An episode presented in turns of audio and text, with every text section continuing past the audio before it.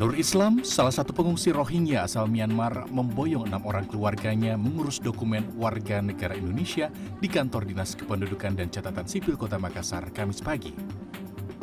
Dengan berbekal beberapa berkas dari Kementerian Hukum dan HAM dan kartu UNHCR, ia nekat mengurus kartu keluarga dan KTP.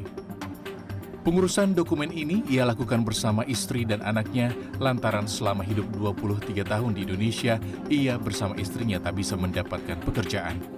Sementara anaknya tak bisa bersekolah di sekolah negeri.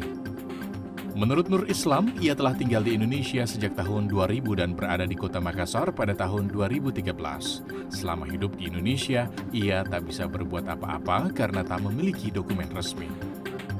Hari ini saya alhamdulillah sudah datang sini kantor sipil. Saya minta warga negara Indonesia. Kenapa saya tak bisa kerja? Tergantung-gantung kayak macam ini orang berapa lama dapat umurnya. Selama sekarang sudah tahun 91 sampai sekarang saya ditangani UNHCR.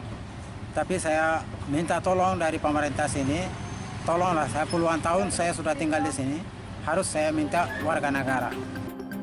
Sementara itu, Kepala Bidang Pelayanan Pendaftaran Penduduk Dinas Kependudukan dan Catatan Sipil Kota Makassar menegaskan tak akan mengeluarkan dokumen apa pun itu kepada warga negara asing jika tak memiliki kitab dan kitas. Ke Indonesia kan ini khususnya Makassar kan mencari suaka. Uh -uh. Jadi untuk penerbitan dokumen kependudukannya itu kami tidak bisa memberikan, tidak, kami bisa tidak bisa mengeluarkan keterangan apa-apa. Hingga saat ini Nur Islam berharap pemerintah kota Makassar memberikan dokumen resmi agar bisa mengurus negara ketiga. Ibnu Munsir, kontributor Makassar, Sulawesi Selatan.